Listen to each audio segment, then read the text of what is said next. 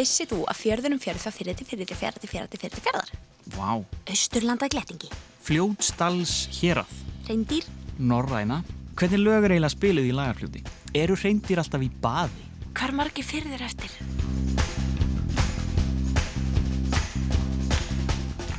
Komið sæl og verið velkomin í fjölskyldu og ferðarþáttinn Hvar erum við núna?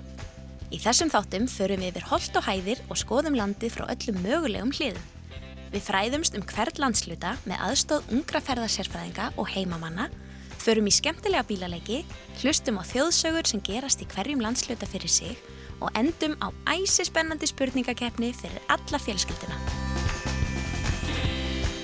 Ég heiti Ingi Björg. Og ég heiti Jóhannes. Jói, hvar eru við núna? Við erum í Östfyrði. Ha? Já, þetta er fjörður á Östurlandi. Östfjörður. Nei, þeir eru miklu fleiri en þetta. Það er ekki bara einn fjörður, við erum bara rétt að byrja. Ó, ok.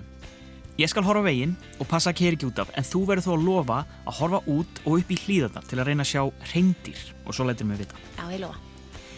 Vissið þú samt að reyndýr heita reyndýr af því að þau eru svo hrein? Þau eru mm. alltaf að passa vel upp á hreinlætið og svo leiðis. Nei, Ingi Björg, það er ekki rétt. Þau heita reyndýr vegna þess að hrein, orðið hrein, er eldgamalt orð yfir horn. Þannig að þau heita eiginlega horndýr. Já, ok, það er aðeins meira vitið því. En ég veit samt að allir fyrðinir heita eitthvað Já. á Ísturlandi. Og margi bæir heita eftir fyrðinum sem er standa í. Einmitt. En eigilstaðir, höfustæður Ísturlands, er ekki í fyrði heldur við fljót sem heitir lagafljót. Einmitt. En hvað er eiginlega hægt að sjá og gera á Ísturlandi? Við skulum heyra í heimamönnum og sérfræðingum þáttarins. Það eru... Hæ, Ég heiti Mara, ég er frá Djúbæi sem er á Ísturlandi. Hæ, ég heiti Elli, ég byrði á Eskifjörði og ég er 8 ára.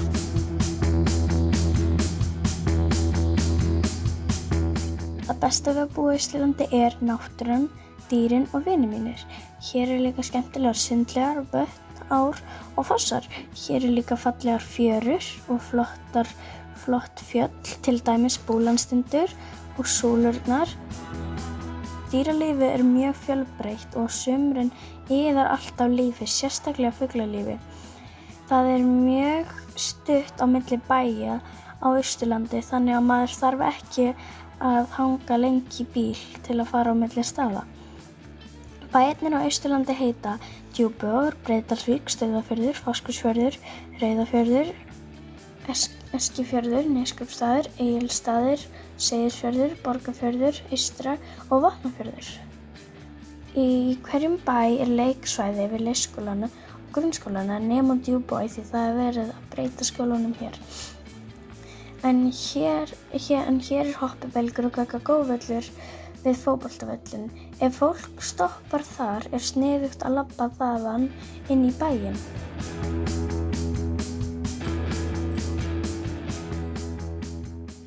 Besta við að búa á Ísturlandi er að það er aldrei byðri í bílum og maður getur farið í fjallingu um, og séð fossa og við sjáum stundum dýr á leiðinu. Rétt hjá byggjunu á Breiðdalsvík er gammal bátur sem maður getur farið við borði og drömbar í læginu eins og vikingarskip, mjög cool. Á stöðufyrði er steinasafn Petru sem er mjög flott og frækt safn. Við Reyðafjörð og Fáskursfjörð eru mjög flottar fjörur og flottir staðir til að fara í vatnasport og hoppa í hili og leika sér. Á Eskifjörði er sjóminnesafn, flott, gömul, hús og fleira.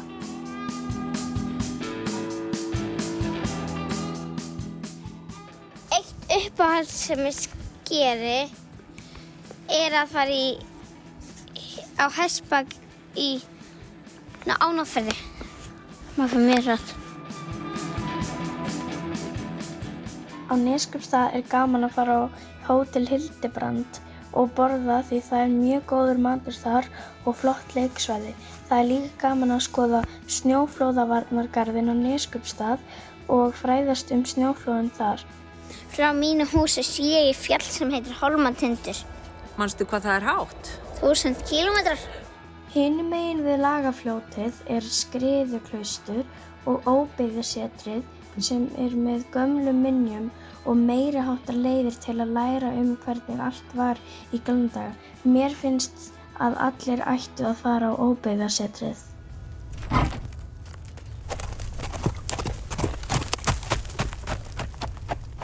Vissir þú á Austurland e, væri einu staðurinn sem væri hrindýr? Þau koma á djúbog og leika sér á fótbolltafellinum og við leikskólan og þau eru stundum alveg upp við húsi mitt. Það er ótrúlegt að sjá þau. Á sumrin fara þau til fjallana en það er samt stundum hægt að sjá þau við þjóðveginn á sumrin þannig að fylgist vel með. Hrindýr eru svolítið hrætt. Þau hleypi burtu.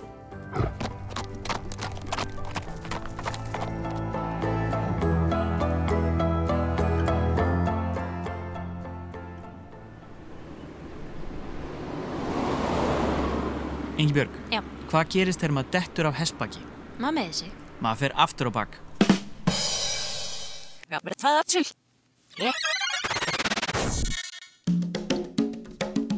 Hei, hlustaðu aftur á bak. Hvaða staður á Austurlandi er þetta? Jepab. Jepab. Papei, Ræballef. Ræballef. Fellabær, Rúðrauðfikse. Rúðrauðfikse. Eskifjörður,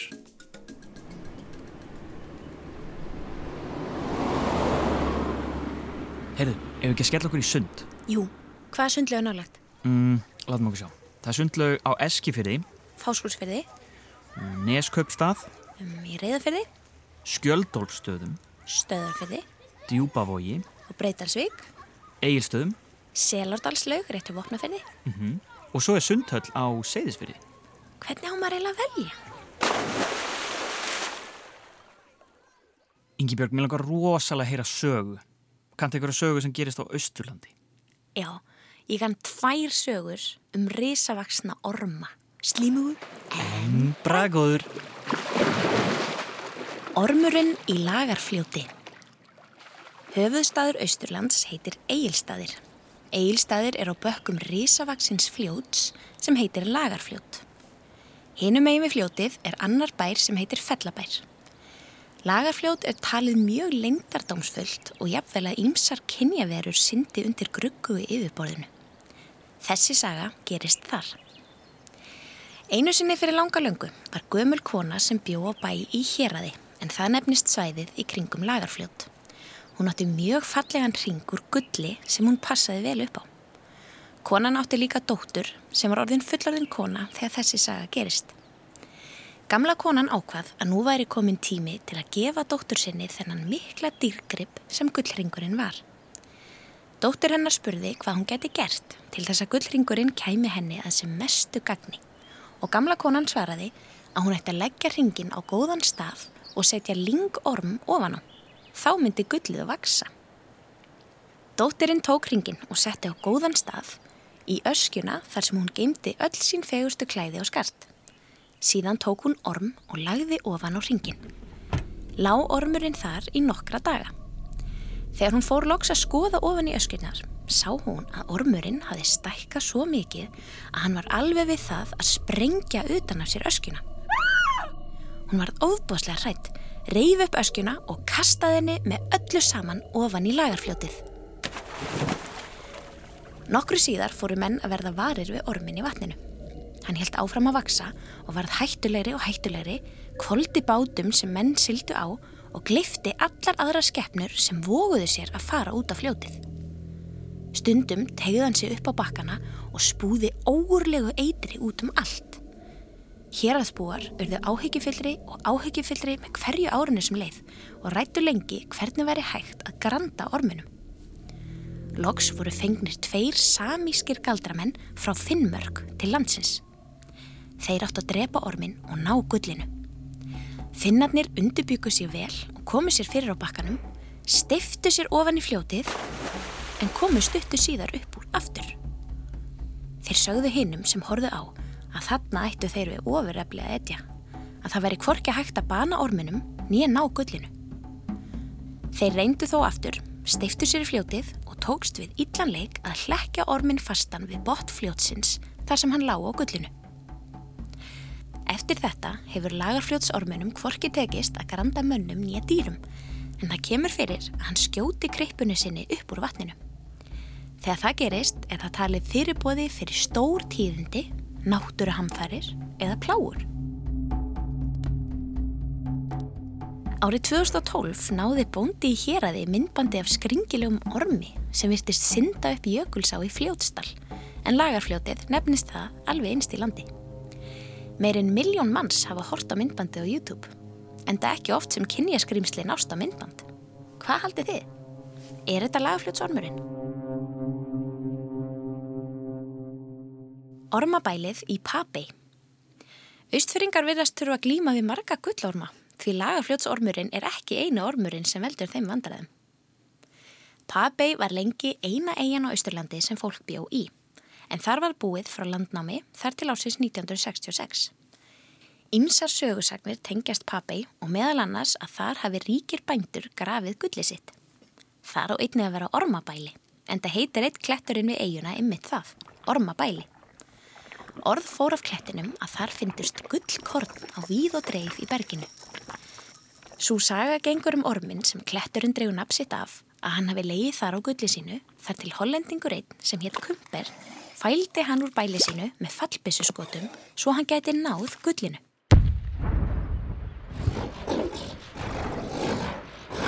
Ormurinn hraktist burt og í ormsker en síðan inn á Hamarsfjörð og þar lág hann og liggur enn. Ormurinn var svo ógnvæglegur og pyrraður eftir þessi átök við hollendingin að menn þorði ekki lengur að fara og veiða fisk þar sem hann lág. Hann, eins og lagafljótsormurinn, rekur upp krippuna þegar stór tíðindi er í vændum.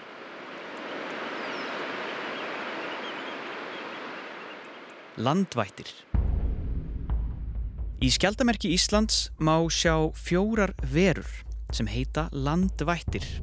Þær eru fjórar, alveg eins og landsfjórðungarnir. Ef við skiptum Íslandi niður í kross frá miðju þá verða til fjórir hlutar eða fjórðungar. Suður, vestur, norður og austurland.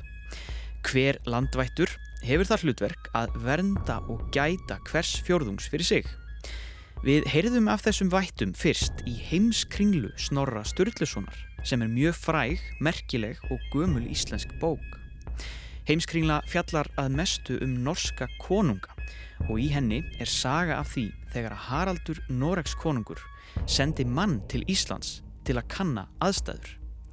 Þessi maður gætt breytt um ham eða breytt sér í hvað sem er.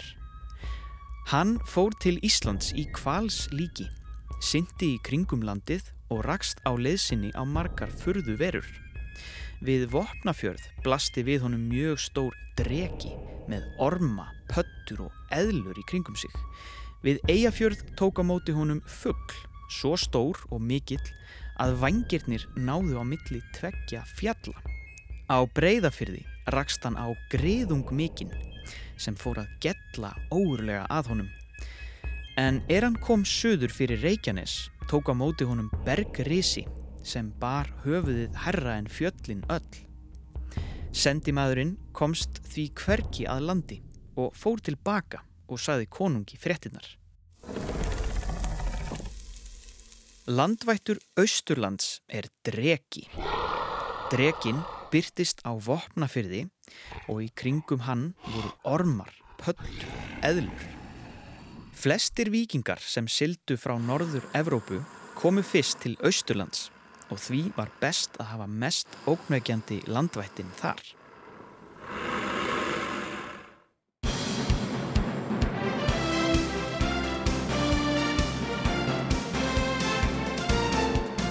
Velkomin í spurningakeppnina Hver er með svarið? Við heyrum nokkra spurningar um landsvæði þáttarins og hvert rétt svar gefur eitt stig. Sá sem fyrstur kallar réttasvarið fær stíð. Og við byrjum núna!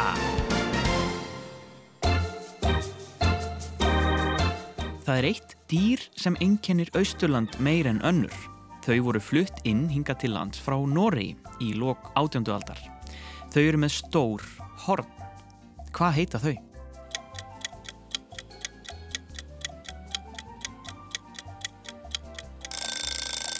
Hreindýr. Það er ekki bara hægt að koma til og fara frá Íslandi með flugvél. Það er líka hægt að sigla.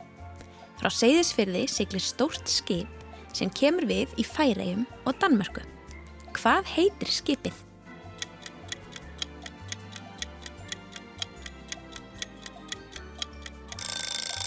Norræna. Skóardagurinn Mikli er árleg skóarháttíð á Austurlandi og er haldinn í lok júni. Hún er haldinn í stærsta skógi landslutans. Hvað heitir skóurinn?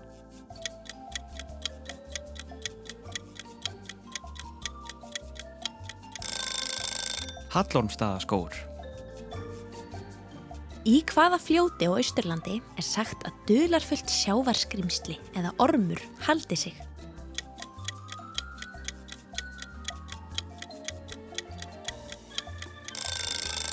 Lagarfljóti. Við lagarfljótið stendur stærsti bær Austfjörða, Egilstaðir. Þar er íþróttafélag með þrjá einkennisliti, rauðan, hvítan og svartan. Hvað heitir félagið?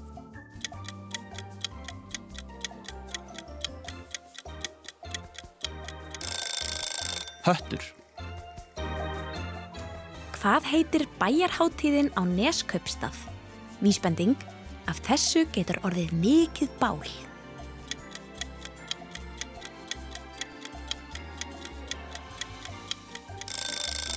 Neistaflug. Á vikingaöld fóru menn um landið með axir og sverð. Nafn eins fjarðar á Austurlandi er dreyið af einum landnámsmannana sem numu fjörðin. Það gæti reyndar líka átt við um sverðin og axirnar. Hvað heitir fjörðurinn?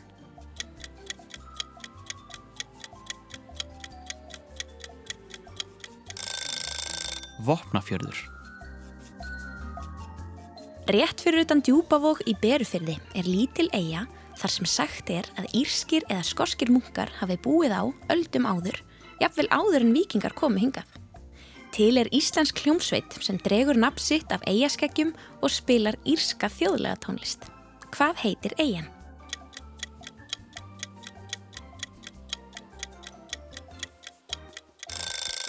Papei. Á Austurlandi eru mjög margir fyrðir. Hver þessara fjarða er ekki á Austurlandi?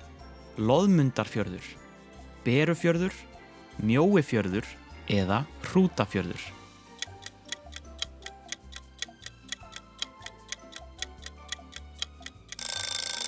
Hrútafjörður.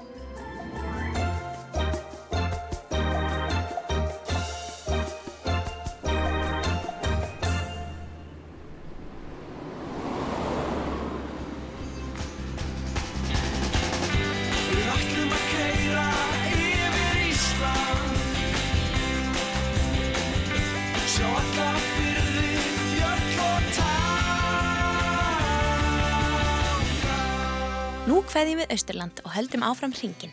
Við þökkum sérfræðingum þáttarins kærlega fyrir en þá voru þær Elli frá Eskifirði og Marja frá Djúbavogi. Næst ferðumst við um Norð-Austurland.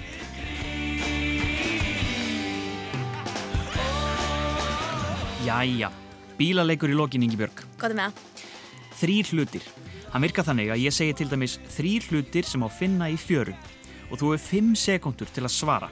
Ég tel niður og gerir svo sprengihjóð ef þú nær ekki að hugsa nógu hratt. Mm. Síðan skiptum við um hlutverk. Ok, þá prófa. Já. Það þú byrja. Ég skal byrja. Þrýr hlutir í maturverslun. Mjólk, uh, súpa og græmiti. Uh, þrýr hlutir sem þú finnur í sundlög. Uh, sundgleru, uh, sundhetta og sundbólur. Vá, ég náði ekki eins og byrja að telja. Þrýr hlutir í leikhúsi. Uh, leiksvið,